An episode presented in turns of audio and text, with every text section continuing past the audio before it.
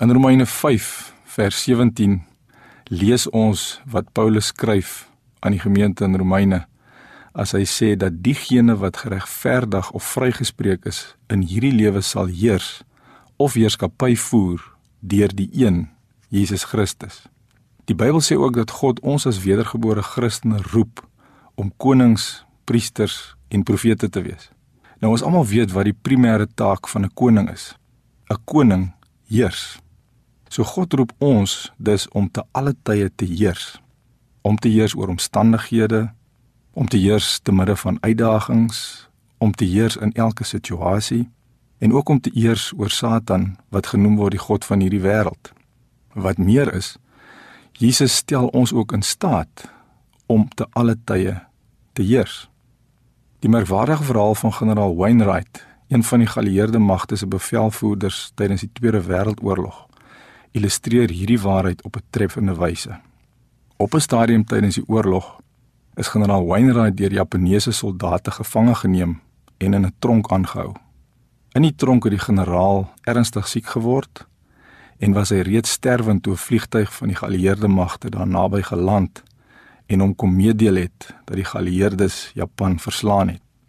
Uiteraard het die byna sterwende generaal hierdie nuus met blydskap en dankbaarheid ontvang. Toe die Japaneese wagte kort daarna weer by hom kom om hom oudergewoonte te spot, te verkleineer en opdragte te gee, het hy ten spyte van sy fisiese toestand oorent gekom en voor hulle gaan staan en gesê: "O nee, Japan is verslaan. Ek is nou in bevel. Ek neem nie meer julle bevele nie. Julle gehoorsaam voortaan my bevele." Noodloos om te sê, die Japaneese wagte het geen ander keuse gehad nie as om die man wat voorheen hulle gevangene was, se bevele te gehoorsaam.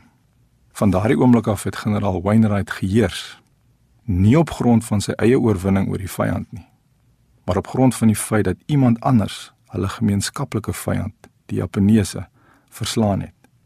Nou luisteraar, dit is presies wat Jesus Christus vir ons aan die kruis op Golgotha bewerkstellig het.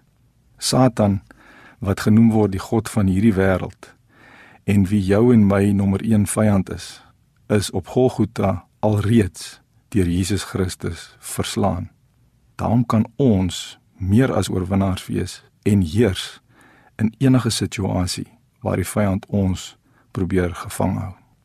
Kom ons bid saam. Here Jesus, ons dank U dat U ons in staat stel om vandag oor die vyand te heers in elke situasie waar hy ons probeer teenstaan of gevang hou. In Jesus naam. Amen.